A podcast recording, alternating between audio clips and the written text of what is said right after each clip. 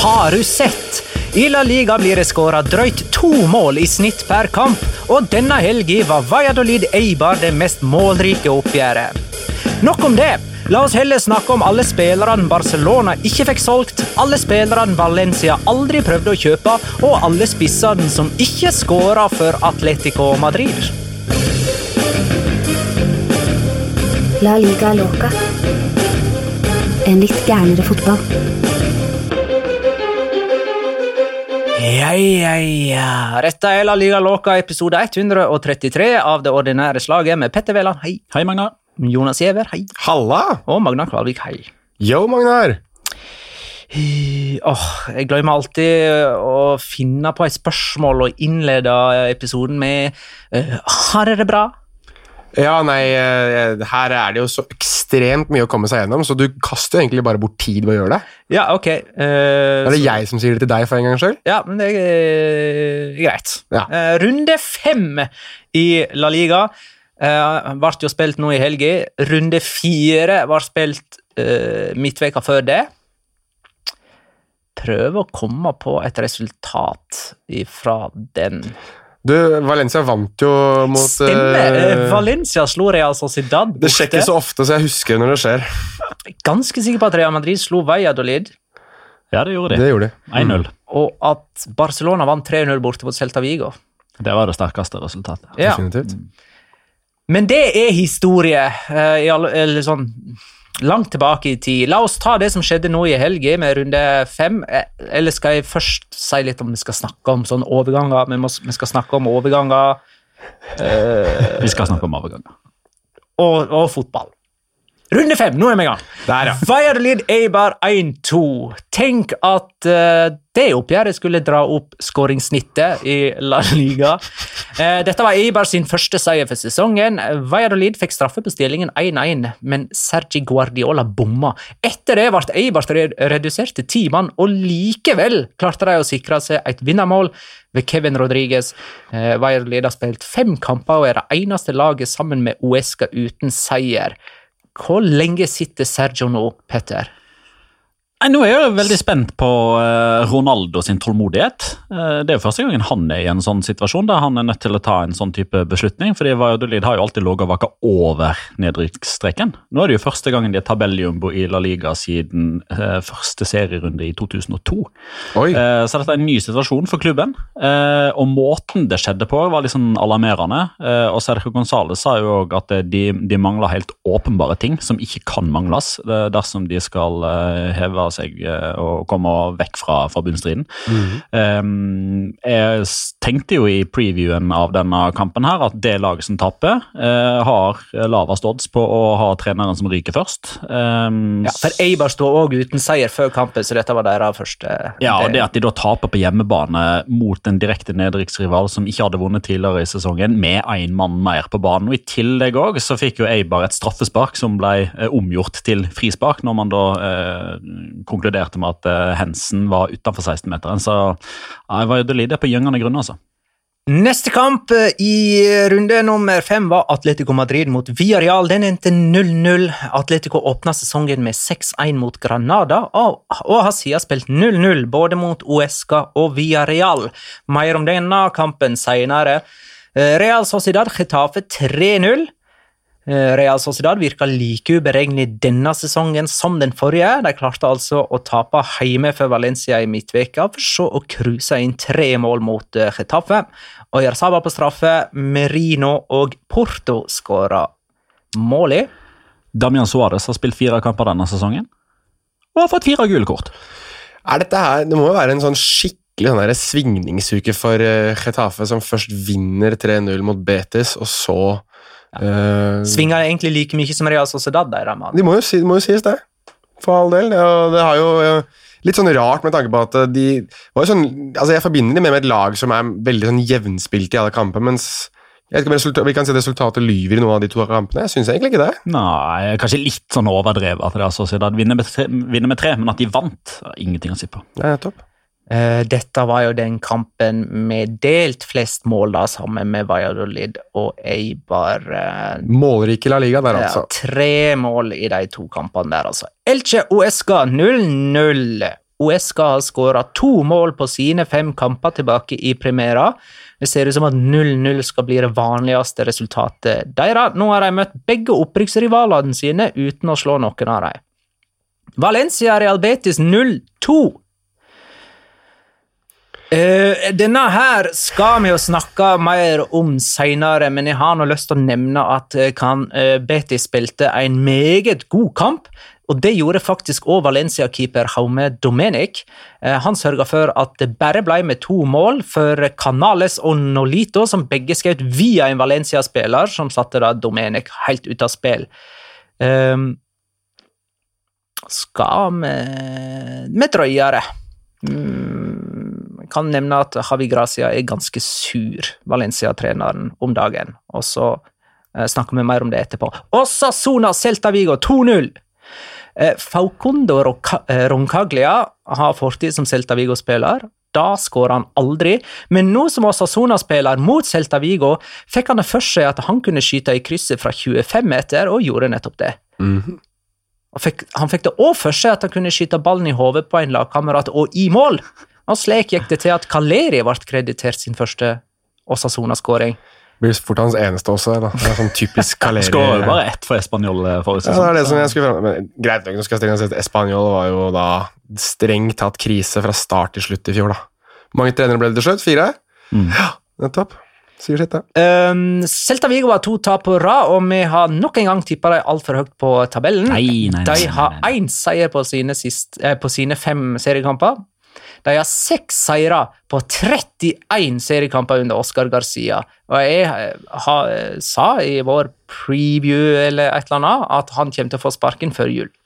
Jeg er litt enig med, begynner å bli litt sånn enig med Magnar. Jeg ser ikke noe utvikling der, da. Det, jo, det ser jo ikke bra ut sånn som de holder på nå. De har, altså, Asp hvis, altså, Kampene deres avhenger av én ting. Greit nok at de har gjort det over lengre tid, men det fall har vært noen små lyseglimt her og der.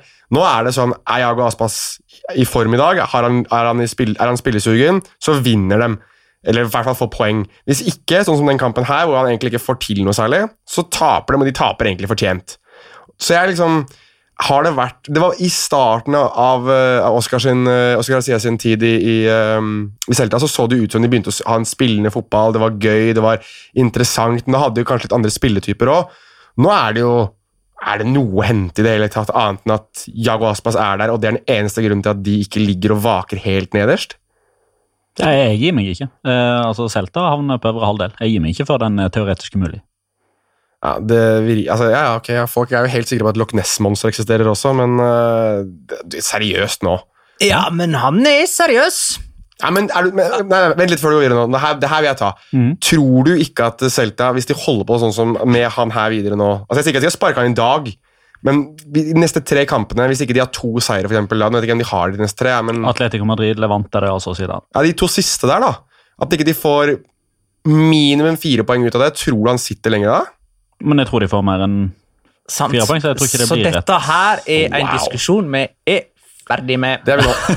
Alaves. Atletic 1-0. Der snakker Ja. vi trener som snart er ferdig. Ja, enig. Tunge tider i Atletic, som har tapt tre av sine fire kamper og ligger nest sist. Ingen nye spillere inn. Eh, Gamle travere som eh, ja, Berenger. Ja. Ja, eh, men nå er det de siste dagene, for jeg tenkte på sånne som Fernando Llorente og Ja, sånn, ja. Javi Martinez, som var aktuelle, men som ikke kom fordi at styret ikke ville ha dem, eller et eller annet sånt. Eh, fans begynner å bli utålmodige med Gaiska eh, Garitano som eh, trener, og Saki Navas skriver Saki Navas! Det er kult, navn. Er det et navn, eller? Det er jo helt der oppe med Mraz. Av Er det- våre Ja. eh, Ja, lytterspørsmål. ivrig navn. twitterer han. Saki Eh, Navas. Ja, ja.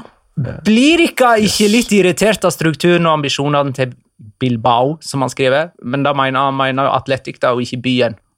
Eh, ja, strukturen i byen Bilbao er faktisk Den imponerende. er, veld, den er veldig Den fornyelsen som har vært der over de siste 20-30 årene, er jo helt fantastisk. Ja, ja, den er nydelig, faktisk. Å få Innpå struktur, så Sama Messi seg selv er jo en av de mest eh, fantastiske skuene i hele ligaen. Liga. Hva er poenget med å spille når du ikke er der for å konkurrere, spør Saki Navas. Vet du hva, Nå skal jeg hive ut en brannfakkel. Oi! Det er kanskje ikke en brannfakkel for de som uh, har sett statistikkene, da. Men uh, altså, Injaki Williams er jo en mann som, uh, som er veldig populær, og det skjønner jeg veldig godt. Gjennom Six Dreams, gjennom hans arbeid egentlig. utenfor banen Ja. og være den han er. Men han får bare spille nå pga. at Atletic vil at den rekka med kamper Injaki Williams har spilt i La Liga, skal holde seg gående. Jeg er ikke uenig. Han har ikke prestert en skit han i 2020. Kalenderåret 2020. Han har spilt 161 kamper på rad. Er det noe poeng i at Iker Monier starter på benken for øvrig? Er det noe poeng, er det noe som vi ikke har fått med oss? Nei, ikke noe, han har jo ikke vært spesielt god, han heller. Han er, det er liksom Sånn som Atletic spiller fotball nå, så er det ingen som utvikler seg. Absolutt ingen. Men da bør de kanskje ta treneren først og fremst, eller se på han, da. Eh, Jeg mener, eh, dette med strukturen eh, og antagelig da Basker-policyen eh, det, jo, det blir jo egentlig bare mer beundringsverdig Ja. at eh, med kniven på strupen så holder de på den. Og dette var, det er ikke så lenge siden de holdt på å rykke ned. Var det i 2007-2008-ish at de hadde den der de tok denne diskusjonen bør vi gå vekk fra baskepolicyen og redde plassen denne sesongen. Nei, eh, vi rykker heller ned. Var ikke det ganske rungende nei òg? At det var en sånn, nesten en sånn avstemning, på en måte? Var det ikke det? Jeg husker ikke om det var akkurat det det var. men jeg husker Nei, det det, det, det, var ikke en sånn i off, offisiell i klubbens regi. Det, det var det ikke, men jeg lurer på om det var EITB, altså baskiske TV-kanalen, som hadde en veldig sånn omfattende spørreundersøkelse blant Atletics sine medlemmer. Ok. Mm. Ja, så det kommer ikke til å skje. Nei, at de endrer policyen gjør det ikke, men uh, de må nok endre Men det er også noe som Atletic har, ikke har hatt for vane å gjøre. De har ikke for vane å sparke treneren sin. De venter vel som regel til øh, kontrakten går ut. Ja, De gjorde det jo med Toto Berizzo, men det var jo liksom første gangen siden jeg lurer på om det var den 2006-2007-sesongen, når Mané uh, måtte gå. Ikke Sadio. Nei, eh, Eh. han måtte ikke gå av som atletikktrener i 2007. Det. Men det sårer nok deres stolthet at, de, at disse gamle eh, traverne ikke kommer tilbake. Og, og hva er greia der? Hvorfor vil ikke styret ha de? Nei, nei, Altså altså, Javi Martinez og Fernando Llorente som var på radaren. Ja, eh, og det som slår meg som egentlig det mest oppsiktsvekkende her, er jo at man ikke har en klarere plan enn at man eh, lar det som skjer den siste dagen, skje. Eh, for det viser seg jo det at eh, etter det tapet mot eh, Alaves, så begynner egentlig alarmklokkene å ringe litt sånn internt i spillertroppen. I hvert fall de store alfahannene. altså Inigo Martinez begynner å bruse litt med fjærene. Dani Garcia er ikke fornøyd. Raúl Garcia er ikke fornøyd. De ser at dette holder ikke. Dette er ikke godt nok. Vi trenger noe de siste dagene. Og det er begrensa hvem de kan hente pga. baskerpolicyen. Eh, og det er òg begrensa hvor mange store baskere det er der ute. Eh, det er Ander Herrera, det er Javi Martinez, det er Fernando. Llorente. Vi må prøve. Er det greit å bare få skutt inn for de som kanskje ikke vet? Det er noen, noen av rytterne som kanskje ikke har fått det med seg, men Atletic har det jo slik at du kan kun spille for klubben hvis du er basker. Fortsett. Ja. Eh, så de går jo da til eh, sportsdirektør Rafael Alcorta og sier eh, hva, er, hva er planen hva er tanken, skal vi gjøre noe? Vi føler at vi trenger frisk blod inn. De tar kontakt med Javi Martine, som de jo har forhandla med tidligere. De tar kontakt med Fernando Llorente via agent, spør om de er interessert i å komme tilbake igjen. Svaret er positivt fra begge.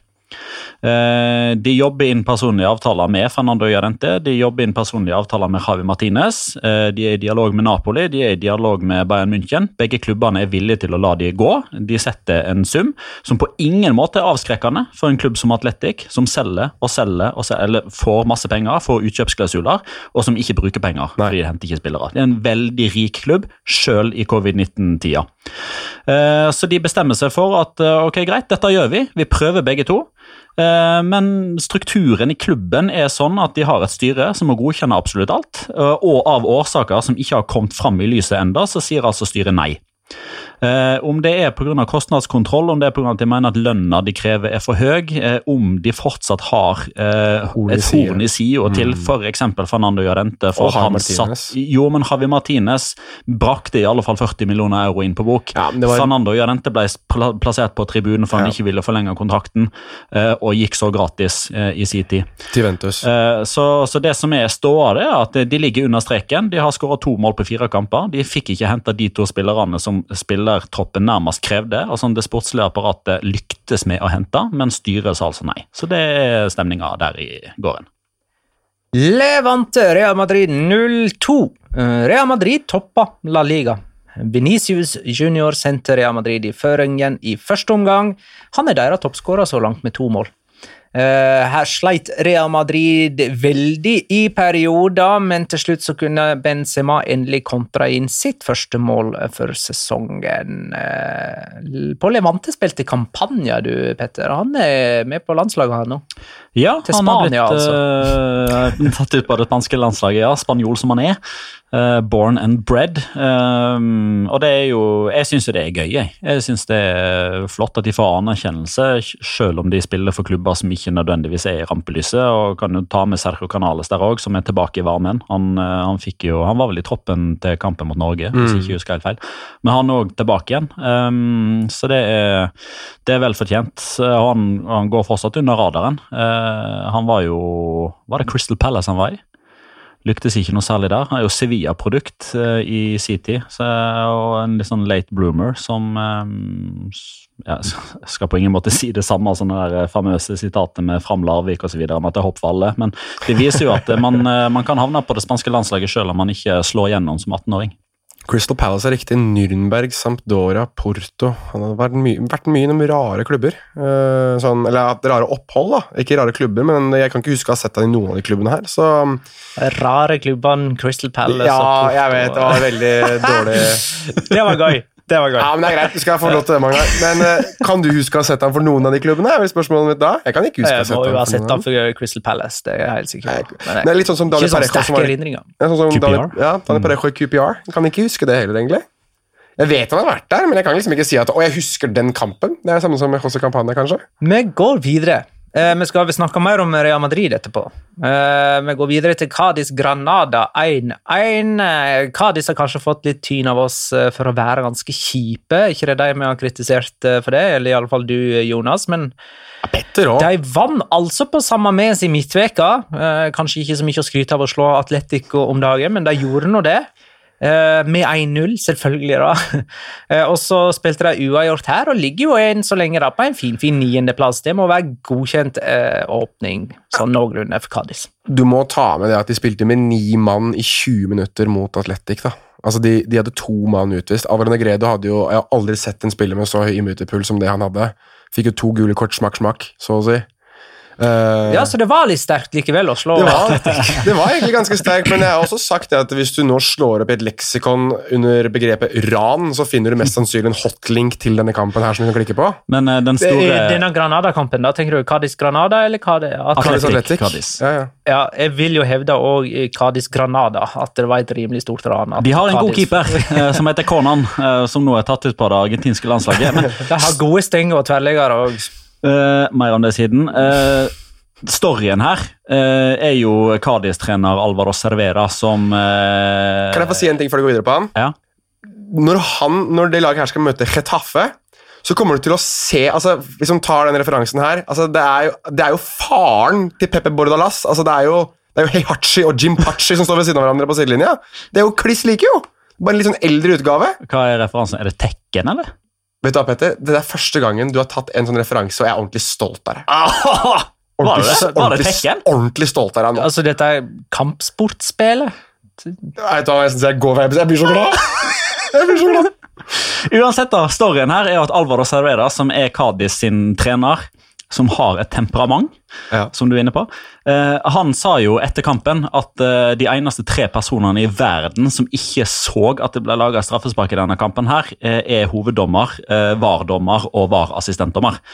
Eh, og for det så skal han få fire kampers karantene, eh, fordi han sår tvil om, om ja, altså så tvil om dette her er fair spill. Mm. Eh, han bringer La Liga i, til, i, i vantro, eller Vanry.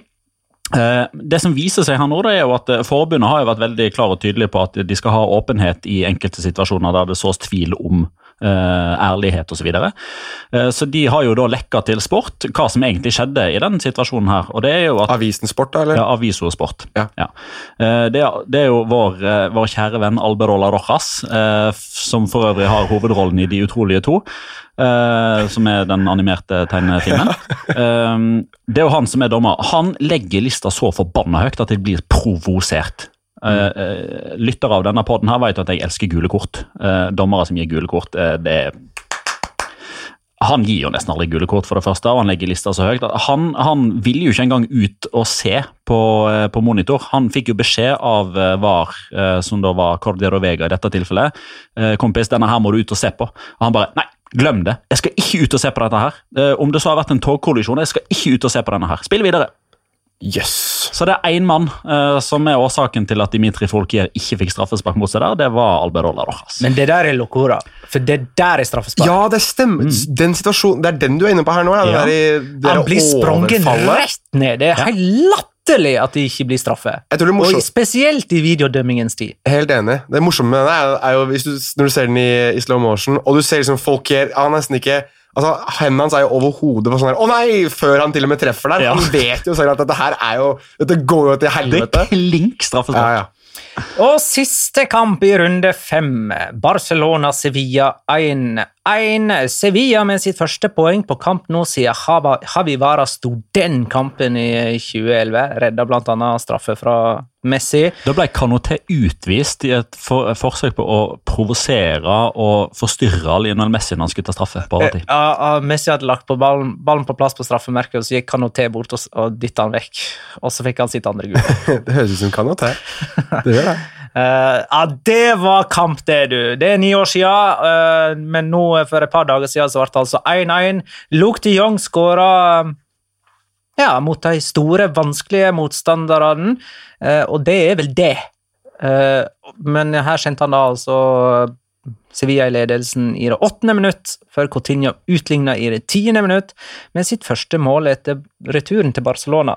Så la oss ta denne kampen her, da. Nå kan vi endelig begynne egentlig å snakke litt dypere om ting sjøl. Ja. Eh, Det var jo en lang gjennomgang av eh, runde fem, eh, dette her. Jeg er påskrudd i dag, Det Magnar. er bare å beklage.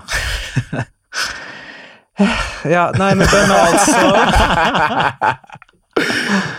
skal, skal, vi, skal vi begynne med at Barcelona, som jo hadde 7-0 i målforskjell etter to kamper før dette her, eh, kanskje mangla en evne til å vinne disse knappe seirene der kampene er tettere, sånn som mot Sevilla, eh, der Real Madrid har evna til å vinne 1-0 og vinne stygt, så får Barcelona fort trøbbel når de møter jevngode lag.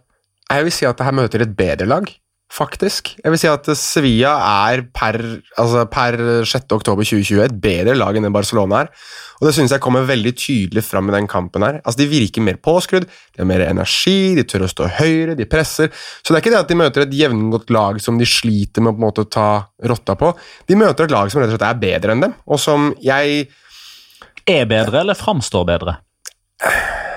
Ja, det, er, det kommer litt an på definisjonen her, da, men de fremstår jo bedre. Jeg vil jo si at spiller for spiller så er Barcelona bedre. Men, Så det var et sterkt heimepoeng av Barcelona. ja, jeg, I den kampen her mener jeg det. Jeg synes det, men jeg synes det er litt rart at Sevilla, som har hatt en så lang sesong Kan være godt være man kan anse det som en form for oppkjøring òg, men at de har hatt en så lang sesong, fremstår som så mye bedre trent og så med, på høyere energinivå enn det Barcelona har. Det er jo tidvis hvor de står og presser nesten inni boksen til Barcelona. La, Laget står skyhøyt, og de tør virkelig å gå på det. En liten fun fact. Eh, Luke de Jong, førstemann som blir avblåst for å løpe inn i 16-meteren eh, for tidlig siden Inyaki Williams i første serierunde etter den sesongen der regelen ble innført. Ja, men skjønner du? Ikke sant? Så det er altså de, de hyperaggressive, liksom. Det er vel kun mot slutten av opp... Altså Greit nok at uh, Coutinho får skåringa si, men jeg syns ikke Barcelona er sånn ordentlig påskrudd før Sevilla legger seg litt eh, i andre omgang og virker som de egentlig mest sannsynlig blir litt slitne. For de har jo kjørt over Barcelona i store deler av kampen. Eh, Ronald Koeman snakka jo om før sesongen starta at eh, Frenkie de Jong hadde blitt brukt helt feil i Barcelona den første sesongen, og Koeman sjøl skal bruke han riktig. Og da kan man for så vidt spørre seg bruker han egentlig Frenke de Jong riktig, men eh, jeg har lyst først å spørre om hvem er Antoine Griezmann? Skal ikke han brukes riktig? Hva er egentlig riktig bruk av Antoine Griezmann? da? Nei, jeg har begynt å bli litt uh, Jeg, Han, jeg synes det eh, er så lenge siden han har vært god nå, så jeg kan liksom ikke se tilbake til Ja, den kampen der var god. Sånn man brukes. Han har i alle fall begynt på, ute på høyresida, og mot Celta Vigo i midtveka så ble han eh, bytta ut før pause, og i denne kampen her så ble han bytta ut rett etter pause.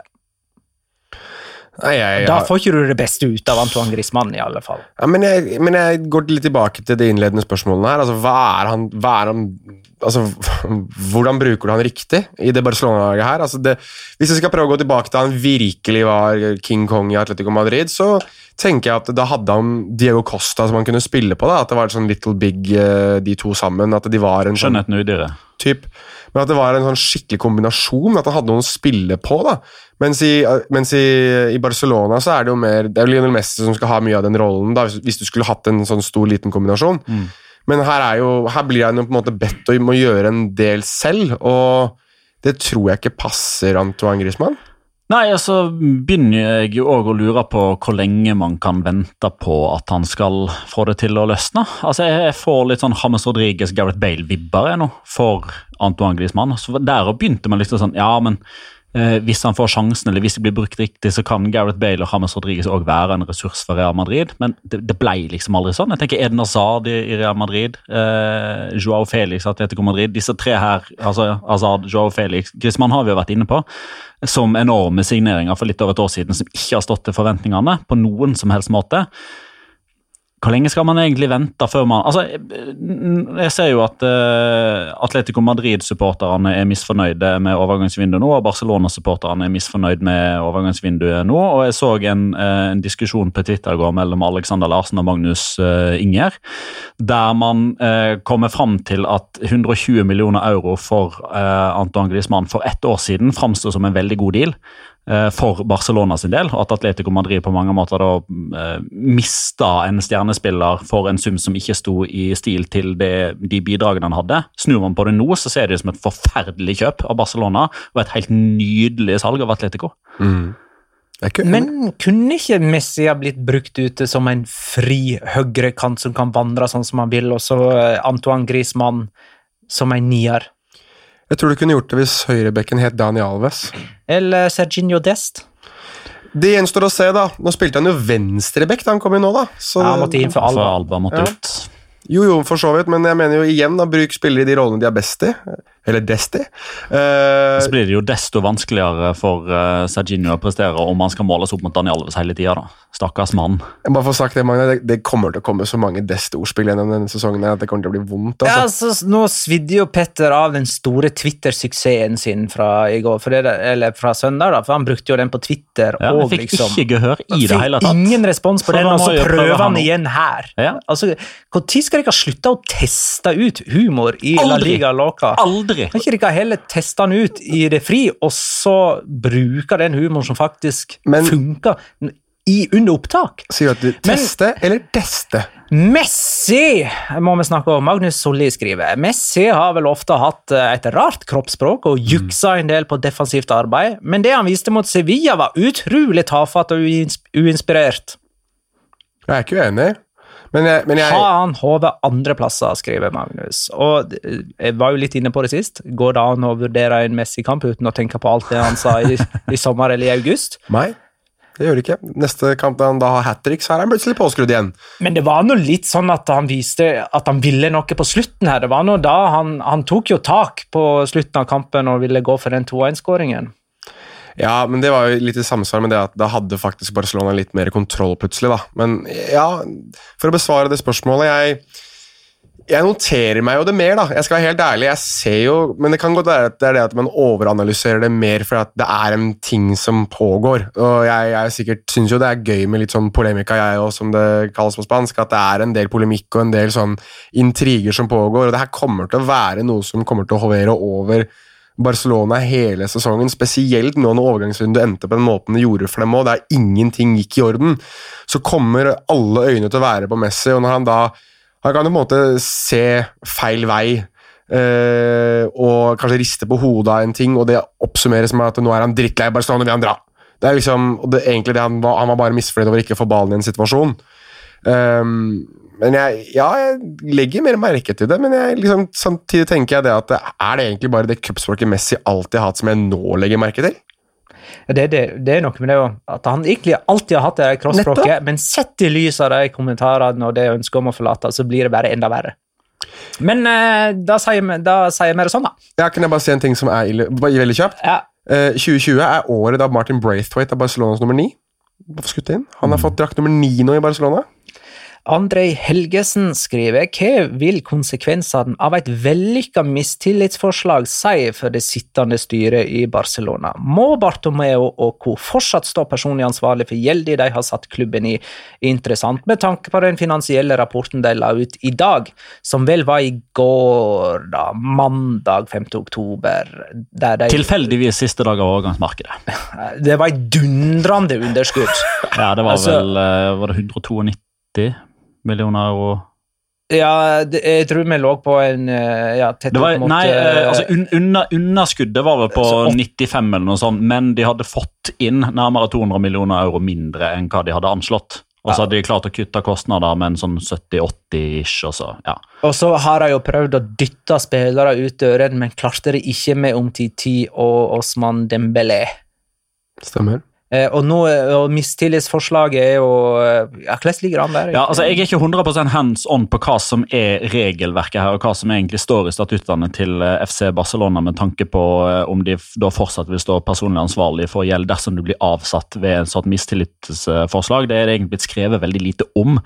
Eh, Jeg syns generelt at eh, Mondo, Deportivo og Sport er fryktelig dårlig til å informere og komme med sånne dybdeinformasjoner. Altså, de, de holder folk oppdatert med hva som skjer, men de kommer ikke med noen sånn mulig konsekvensgreier. og Det tror jeg rett og slett fordi de ikke vet det sjøl.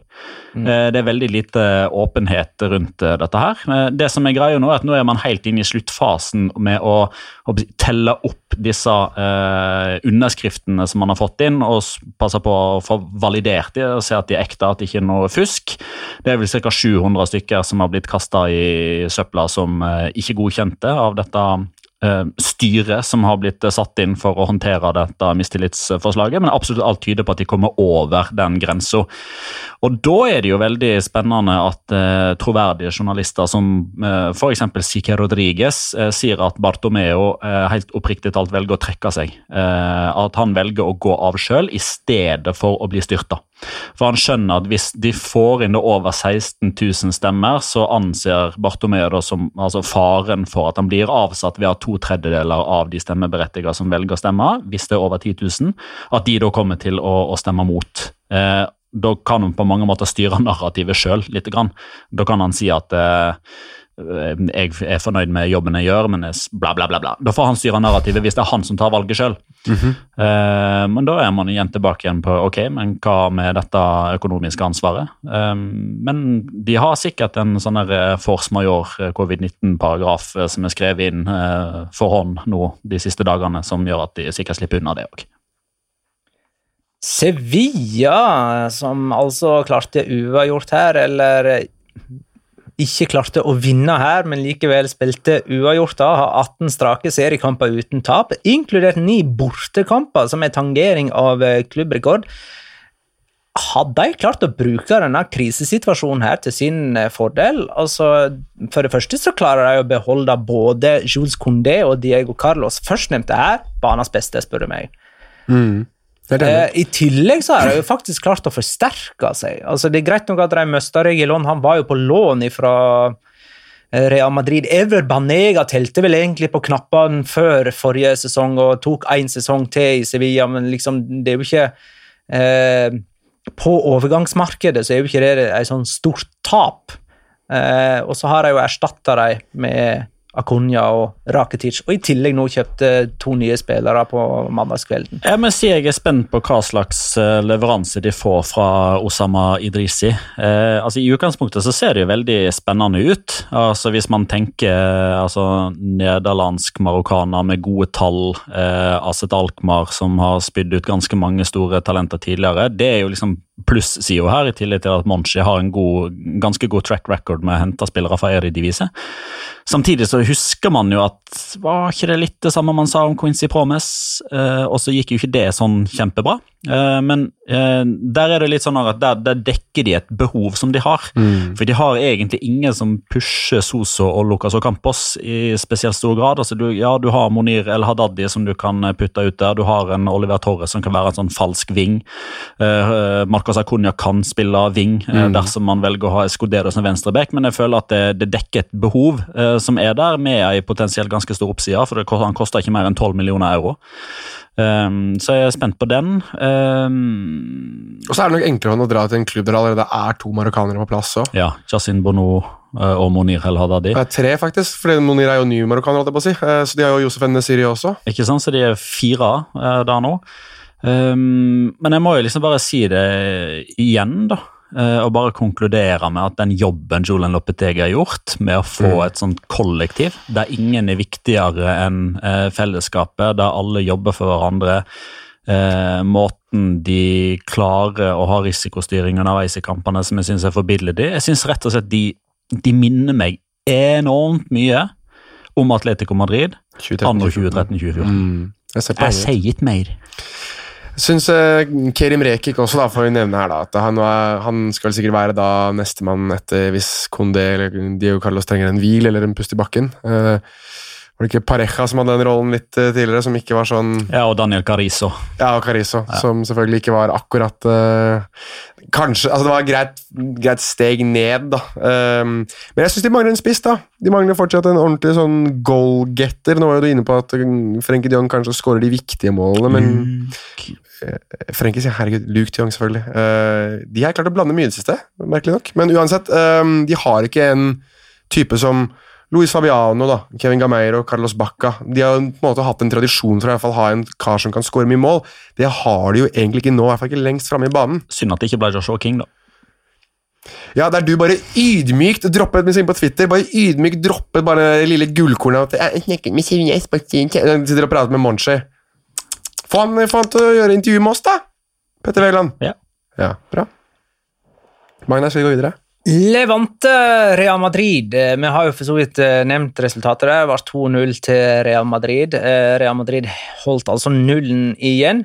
En moro stat fra Pedrito Numeros på Twitter. Courtois slapp inn 60 mål på sine første 44 kamper for Real Madrid, og har nå sluppet inn 22 på de siste 38. Vesentlig forbedring. Eimann skriver tanker om Real Madrid og overgangsmarkedet denne sommeren. Eh, der har det jo vært null spillere inn, da, bortsett fra eh, Ødegaard, som kom henta tilbake fra lån. Eh, har dette en betydning på neste sommers overgangsmarked, spør Eimann. Har dere tro på at de smeller til med Mbappé, Kamavinga og eventuelt Haaland? Altså, hvis dere stiller litt og hører veldig godt etter det er Florentino Perez som driver og eh, lesser opp seddelbunker eh, på Valdebebas. Jeg tror alle de tre kommer til å De kommer til å prøve på alle tre. Jeg tror de kommer til å ende opp med to. Jeg sier det Jeg sier ikke mer! jeg, jeg, men jeg tror, jeg tror det han sier der, tror jeg er nettopp det eh, Real Madrid har gjort nå. I hvert fall hvis spådommene om eh, innslipp på tribuner og vaksine etc. slår inn. Hvis man ikke ja. får en jeg håper å si, forlenga og forsterka effekt av ikke eh, publikum på tribunen og svekka TV-produkt som gjør at TV-avtalen ja, faller i verdi osv. Det, det må vi liksom ha som et lite bakteppe her, men det er jo årsaken til at eh, Real Madrid er veldig komfortable med ikke å bruke penger nå. Eh, de ser at Zinedine Zidane har en stall som er god nok, mer enn god nok til å være favoritter i La Liga, og kanskje på et maksnivå være med og kjempe om et Champions League-trofé. Jeg har ikke Real Madrid blant favorittene, det er i det aller høyeste sjiktet der.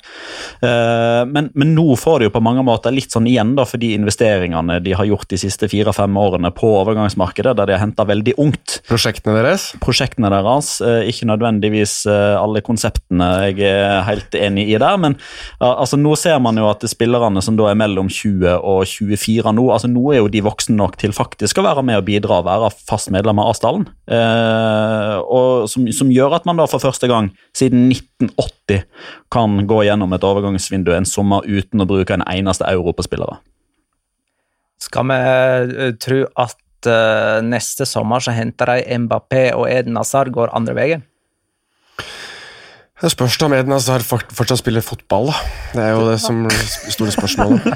Snart så er man kan sånn Han har lagt opp, han, før den tida. Altså. Det, er jo, det virker nesten som han har gjort det nå, holdt jeg på å si. Det, nei, men det er fra spøk til alvor, han er jo mye skada, da. Jeg, det er så mye freak-skader nå at jeg, jeg, har sagt at jeg tror det kostholdet hans har, har plaget han tidligere, men det kan ikke bare være det nå. Men um, kan jo være at det er en løsning på det, men jeg tror, eh, jeg tror Madrid kommer til å gå hardt inn for Mbappé, i hvert fall. Det, det tror jeg. Det, for det har jo vært altså, Herregud, siden han slo hjem i Monaco det var jo, Ona Emery har jo innrømmet det, at da PSG signerte han, så var det jo på, rett foran snuta til Real Madrid. Og det har jo vært en sånn derre obsession i spansk presse siden den gang at Real Madrid skal ha ham, og når de skal innlemme på en måte nye Santiago Bernabeu, så vil de ha et superprosjekt, og der har de jo både Erling Braut Haaland og Kylian Mbappé har vært nevnt som den superduoen de vil ha på topp. Og Jeg regner med at når det er José Felix Diaz som skriver det, så er det noe hold i det. da. Nå er det landslagsveka, da, og i neste serierunde så møter Real Madrid Cádiz hjemme. Og runden etter det så er det El Clásico. Det, blir... det, var tidlig, det. Ja, det er veldig tidlig, men det er nå egentlig Vi er nå godt ute i oktober da, da. 25. oktober, så det er jo ikke så tidlig nei, i kalenderåret. Nei, nei, i kalenderåret så er det ikke det, men tidlige sesongen det føles jo egentlig som at vi ikke har starta helt ja, Det blir jo den femte kampen til Barcelona. Ja. Life comes at you fast, må jeg nesten bare si da. Ja. Det var jo for, for øvrig eh, damevarianten av El Clásico kvinne-El Clásico nå jo, i helga. Men uh, ifølge The Spanish Football Podcast ja, er jo, jo, men, er det Barcelona Atletico som er El ja, Clásico i Jeg er egentlig litt overraska over at de ikke kjørte en egen uh, korreksjon der. For uh, altså El Clásico er jo et merkevarenavn på kampene mellom Barcelona og Real Madrid. på herresida, ja. Nei. Nei, sånn generelt. Altså, jo, den, den klassiske kampen Det er jo i basketball ja, ja, og, i håndball Ja, ja, og inne, fotsal altså, Barcelona mot Real Madrid. El Clásico. Det, ja, det definitivt største oppgjøret i spansk uh, kvinnefotball, det er jo Barcelona mot Atletico Madrid, men det blir ikke El Clásico av den grunn. La Clásica. Det kan det være. Nei, der var du morsom, Jonas. Den var fin. Takk. Vi må snakke om favorittlaget ditt nå. For Valencia tapte hjemme mot uh, Ja, Nå må vi jekke ned litt. ja, Egoet mitt var så stort nå at nå skal det rett ned igjen. Eh, og Valencia de henta altså ikke um, noe som helst i overgangsvinduet. Og ifølge, det virker på trener Havi Gracia som han har fått visse lovnader eller indikasjoner på at det skulle komme noen inn, uten at det, det da ble det. Og mm. at uh, han nå da Eh, sitte i tenkeboksen om han gidder å fortsette etter tre lange uker som Valencia-trener. Ja, det er vel Cadena Sere vel som uh, meldte i går, altså mandag, at uh, han nå ønsker et møte med Peter Lim. Han vil ikke snakke lenger med Ani Murti, for han føler ikke at uh, han er en god mellommann. han vil snakke direkte med, med, eieren selv om hva som egentlig er planen, fordi at han har jo nå sett flere spillere som de har på en måte nesten forhandlet ferdig fram eh, til, eh, ikke gå gjennom grunnet til at eh, Petter Lima har snørt sammen pengesekken, bl.a. etter en Capoe, som man trodde at man skulle fått signert. Daniel Rogani var snakket om. Juan Foyt, Juan Foyt var på dit. Ja, han, han, var også forhandlet fram, så å si. Diogo Leite.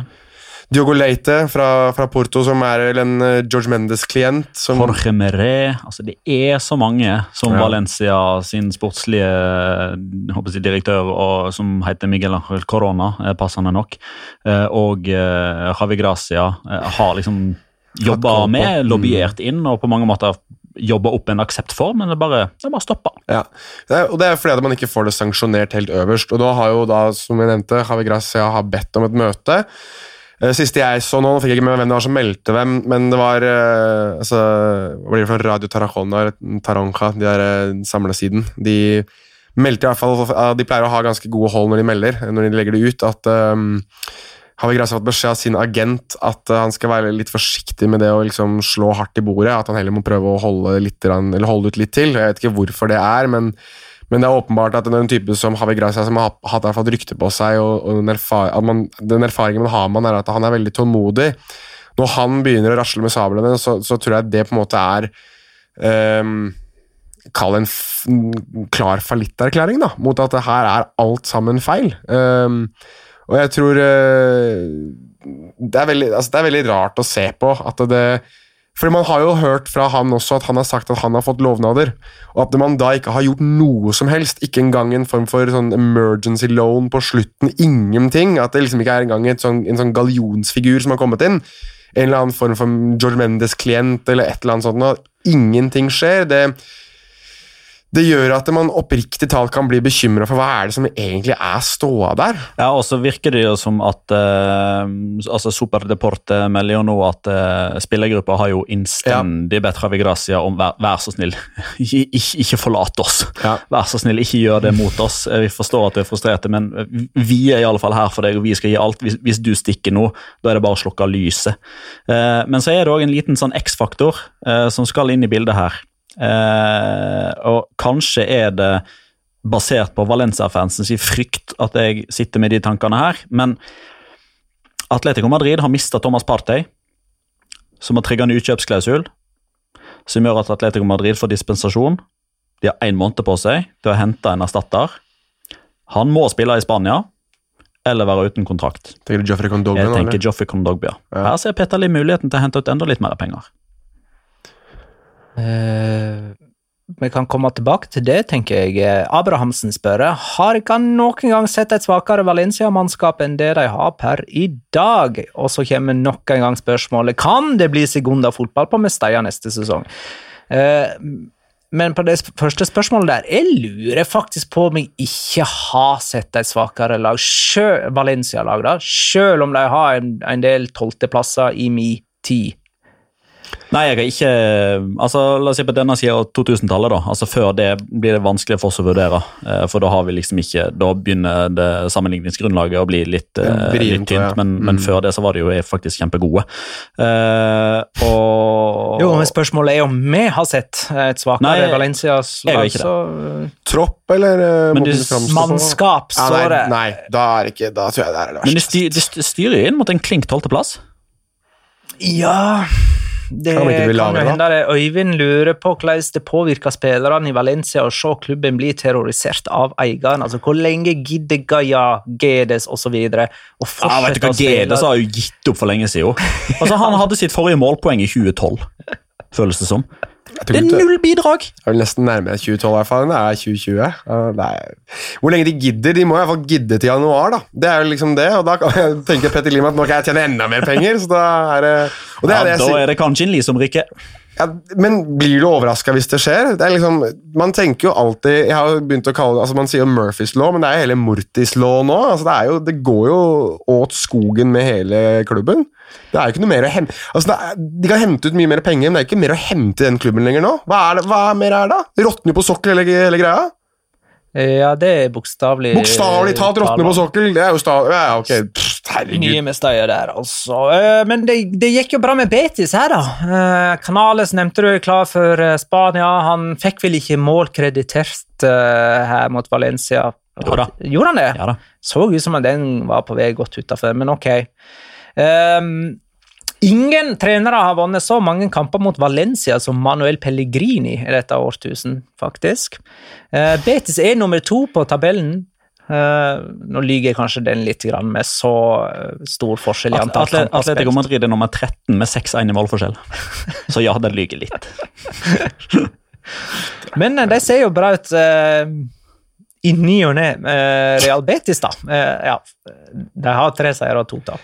Er det, Så det er, sånn av og til. er det noe sånn Mosjo Betis-opplegg, det her nå? At det er Betis gone Betis og så videre? Ja, det blir vel helst det. Eh, Vi kan snakke litt om eh, Atletico Madrid, da.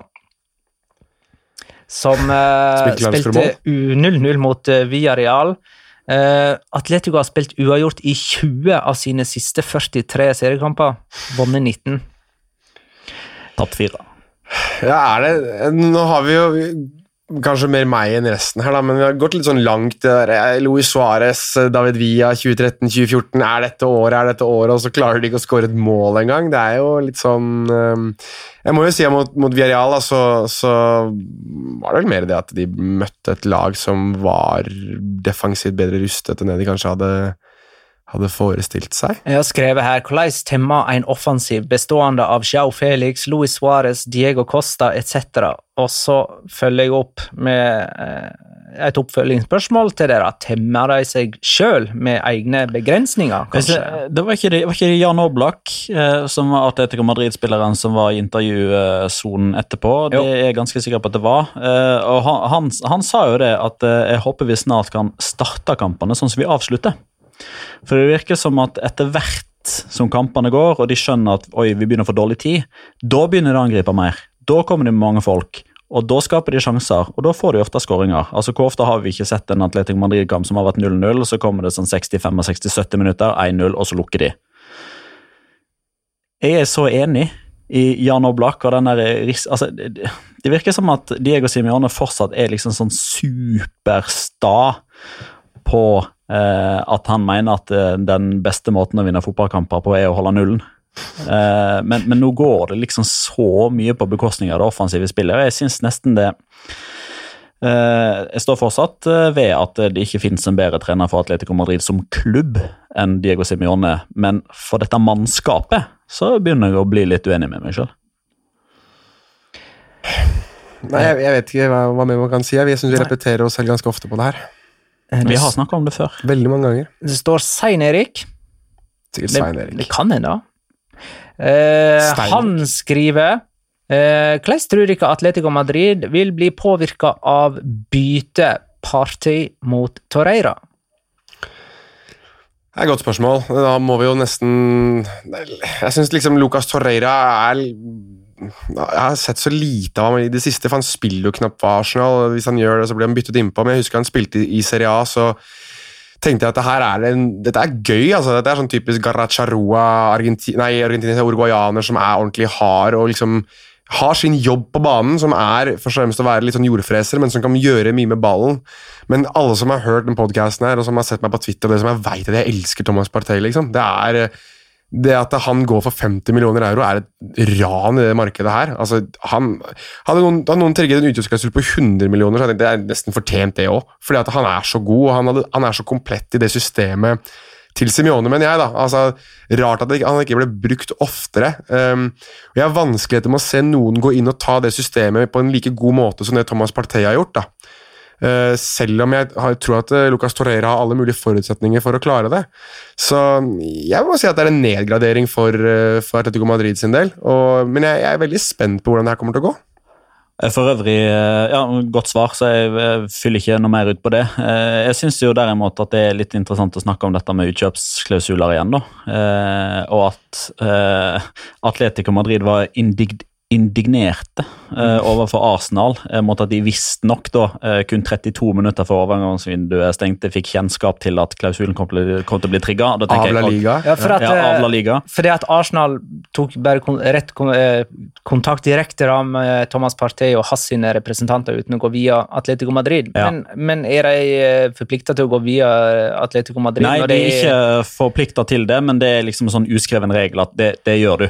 Okay. Eh, men samtidig så tenker jeg at det- er litt sånn Litt eh, smålig, litt pinlig å si ja, men vi, vi fikk ikke vite om dette her før klokka var to minutter på halv tolv. Altså, ok, var dere inne i ei hule uten internettdekning den siste dagen der? Altså, Hvordan kan dere ikke ha blitt oppmerksom på at Thomas Partey var på vei bort? Han var ikke på trening den dagen! Eh, en kompis som er Arsenal-supporter, han sendte meg melding om dette sånn klokka tolv på eh, dagen. da. Ja. Eh, Tolv Ja. timer før det stengte overgangsvinduet. Og spurte meg om partiet er noe god. Eh, Så svarte- han visste det Svarte alle du. Ja, svarte du? Ja, han er god. jeg Kort, kort og greit. Nei, du tar ikke feil. Men eh, 0-0, altså. Uh, Villarreal og eh, Unai Emeri ser jo ut til å ha lært etter det 4-0-tapet på kamp nå. De spiller jo ikke lenger 4-4-2, men mer enn 4-2-3-1. Med Gerard Moreno ute på høyre kant, og han er mye bedre der enn det Antoine Griezmann er der for eh, Barcelona. Mm. Så kanskje de skulle ha gjort et bytte der, da, Barcelona. Er Gerard Moreno en av de spillerne som er best teknisk, som ser minst teknisk god ut? herregud, jeg har, jeg har formulert det i Rundens spiller, for han er min Så gøy. nominasjon. Skal vi kåre Rundens spiller? Dette er loppet til Goy. Vi skal kåre uh, Men det er ikke satt Rostegård. Vi, vi kårer altså rundens spiller ved å sette opp en eh, pall av eh, hver vår nominasjon. Hvem er det som er nummer tre? Jonas. Du, det er eh, Facundo Roncaglia som er eh, nummer tre på den lista. Og eh, jeg har jo en sånn greie med Og alle som har hørt, episodene, hørt disse episodene, vet jo at jeg syns det er ekstremt dumt med spillere som scorer mot sitt gamle lag, og så velger de ikke feire fordi de skal vise respekt for da tidligere klubb. Eh, Facundo Roncaglia scorer aldri. Han har han er aldri noe sånn eh, Aldri vært noe kjent for noen sånn goalgetter på dødball. Sånn. Innimellom så kanskje det kommer et og annet. Han, Skårer ikke han mot Manchester United i Europa det tror jeg han gjorde. Det er kanskje den ene gangen da, også via Real forrige sesong. Ja, riktig. Eh, men han skårer så å si aldri. Men så skårer han da mot Celtia, som han har spilt for, og velger å ikke feire.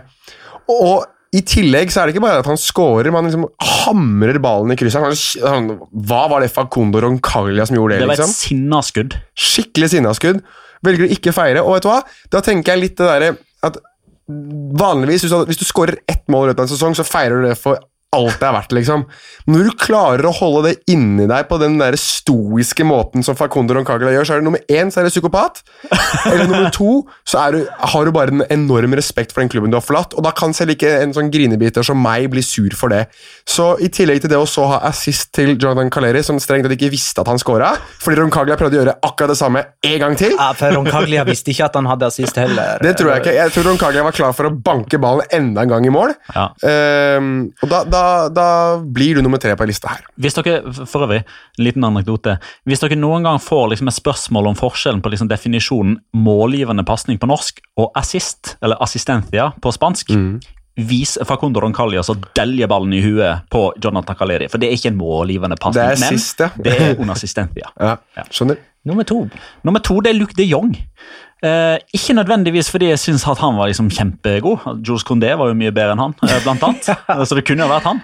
Eh, men eh, jeg syns egentlig han eh, fortjener en litt sånn generell eh, unnskyldning eh, fra denne podkasten som eh, eh, fenomen, holdt jeg på å si. Eh, for han har fortsatt ikke et godt nok målsnitt eh, til å være spiss i Sevilla. Det har han ikke. Men altså, han skårer altså så eh, mange viktige mål for, eh, for Sevilla. Han har skåra det er vel tolv mål han er oppe i nå.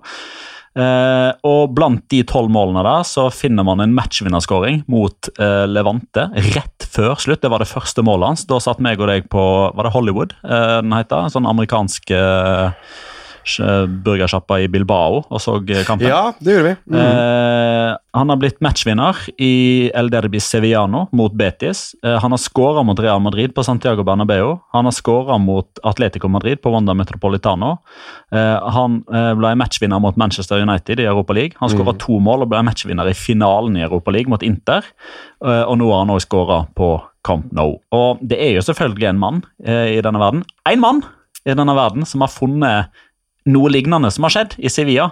Det har skjedd én gang før Ja. at en Sevilla-spiller har skåra i La Liga på bortebanen til Atletico Madrid, Barcelona og Real Madrid. Han har skåra på banen til Betis, og han har skåra en semifinale og en finale.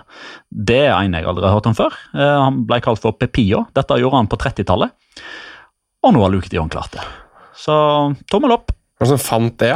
Mr. Chip. Ja, selvfølgelig var det det. Herregud. Og rundens spiller er faktisk Villarreal spiss, eller høyre kanta om du vil. Gerard Moreno etter hans forestilling mot Atletico Madrid. Atletico stilte med store stjerner som Luis Suárez, milliardkjøp som Chau Felix, tungvektere, bokstavelig talt, som Diego Costa, og kinesere som Janni Carasco. I tillegg hadde Villarreal sjøl Paco Alcácer helt fremst, men det var altså Gerard Moreno og bare han som kunne drible av motstandere og skape sjanser i dette oppgjøret. Og hør på denne formuleringen her, eh, Petter. Skrevet ned før eh, opptak. En spinkel, tilsynelatende keitete angriper som egentlig aldri ser ut til å ha helt kontroll på ballen, men som har det likevel. Burde være Luis Henrique sitt førstevalg som spiss for Spania denne veka. For Selv om han ikke skåra denne gangen, så viste han hvor mye mer enn skåringa han har å by på. Gratulerer, da, Gerard Moreno. Nå kommer han til å gå inn i en ti kampers Ja, nå kommer den jinxinga tilbake igjen. vet du. Men nå er det tid for Locura! Ukens La Liga Locura. Locura. Locura. Locura. La Liga Locura. Jeg lurer på om jeg skal ta ordet og bare begynne, for jeg har en ganske kort og ganske konkret, ikke kjempespennende Locora. Vi har jo svidd av noen gode lokorer allerede, f.eks. en straffespark som aldri ble straffespark i Cádiz-kampen, men jeg skal i samme oppgjør. Eh, Granada, altså, mot eh, Cádiz. Der hadde Granada den vakreste dobbeltsjansen jeg noen gang har sett. For i løpet av tre sekunder hadde de ett skudd i tverrlegger og i stolpen. Begge skudd fra utafor 16 meter. Begge klokkereine, knallharde treff som blir understreka av hvordan ballen rikosjerer noe voldsomt ut igjen fra metallet. Det første skuddet treffer undersida av tverrligga, så ballen spretter rett ned i bakken, og så fem meter rett opp igjen.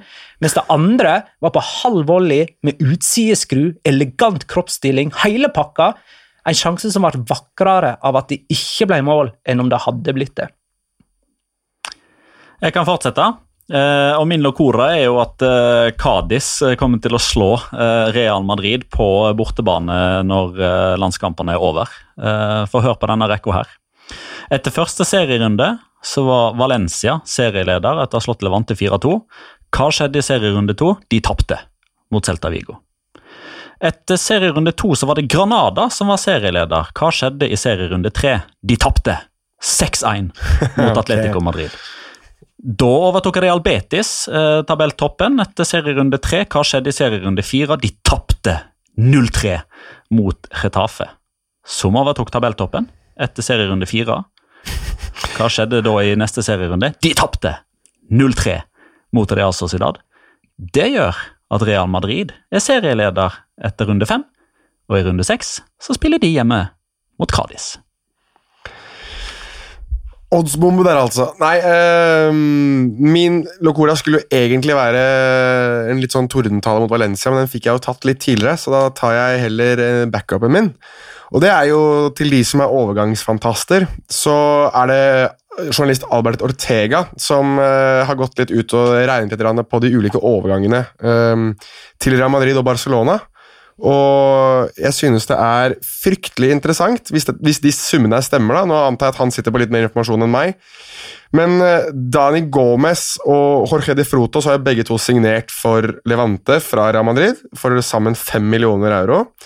Uh, Borja Majoral sitt lån vel til, altså, eller til AS Roma, eller bare Roma, er også 2,5 millioner, så det er 7,5 millioner. Og Alberto Soro, som er klar for Granada, har også gått for 2,5 millioner euro. Det er 10 millioner euro.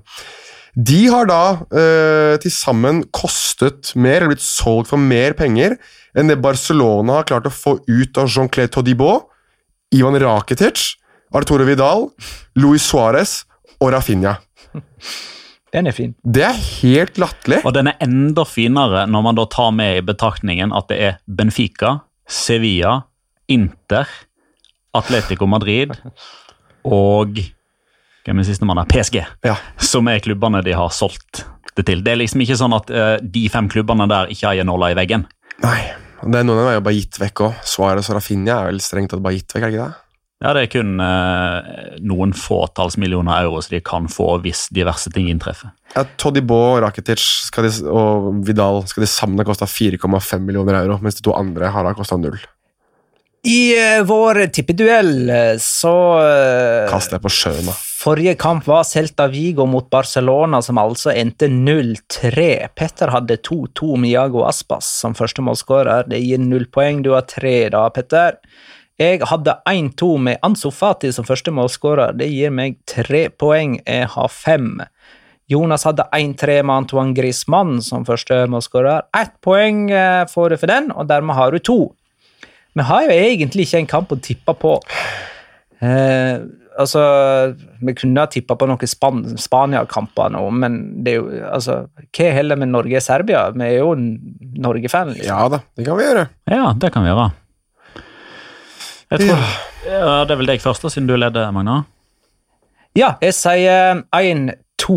Altså, det er Norge, Serbia, 1-2 og Dusan Tadic. Ja, dette er da altså etter 90 minutter. Jeg tror det blir 1-1. eh, og da ekstraomganger, vel? For Ja, det skal skal avgjøres. her, Ja, altså. Så resultatet det er 90 minutter, 1-1. Eh, første målskårer Erling Braut Haaland.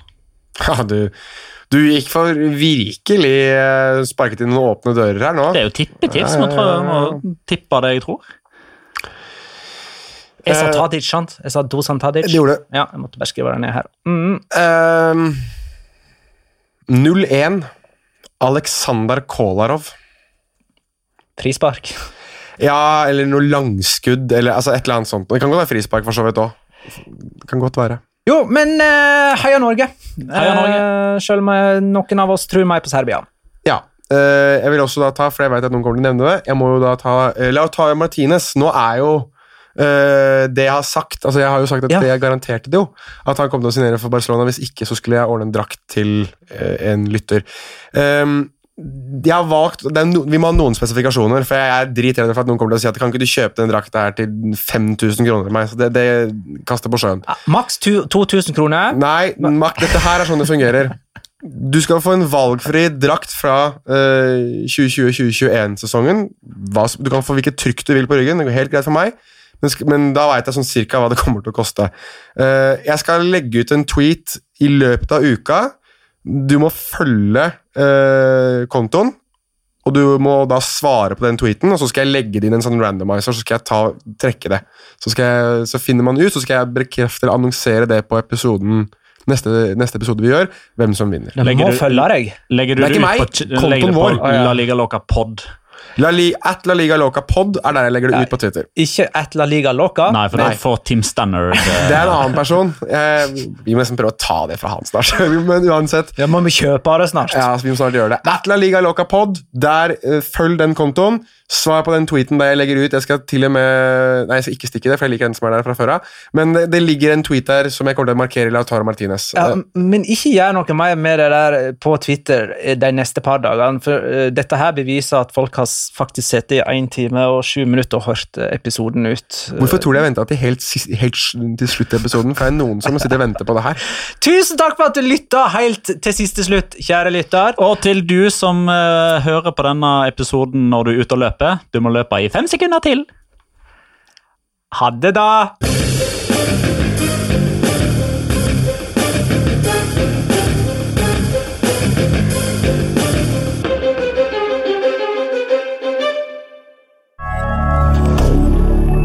Media.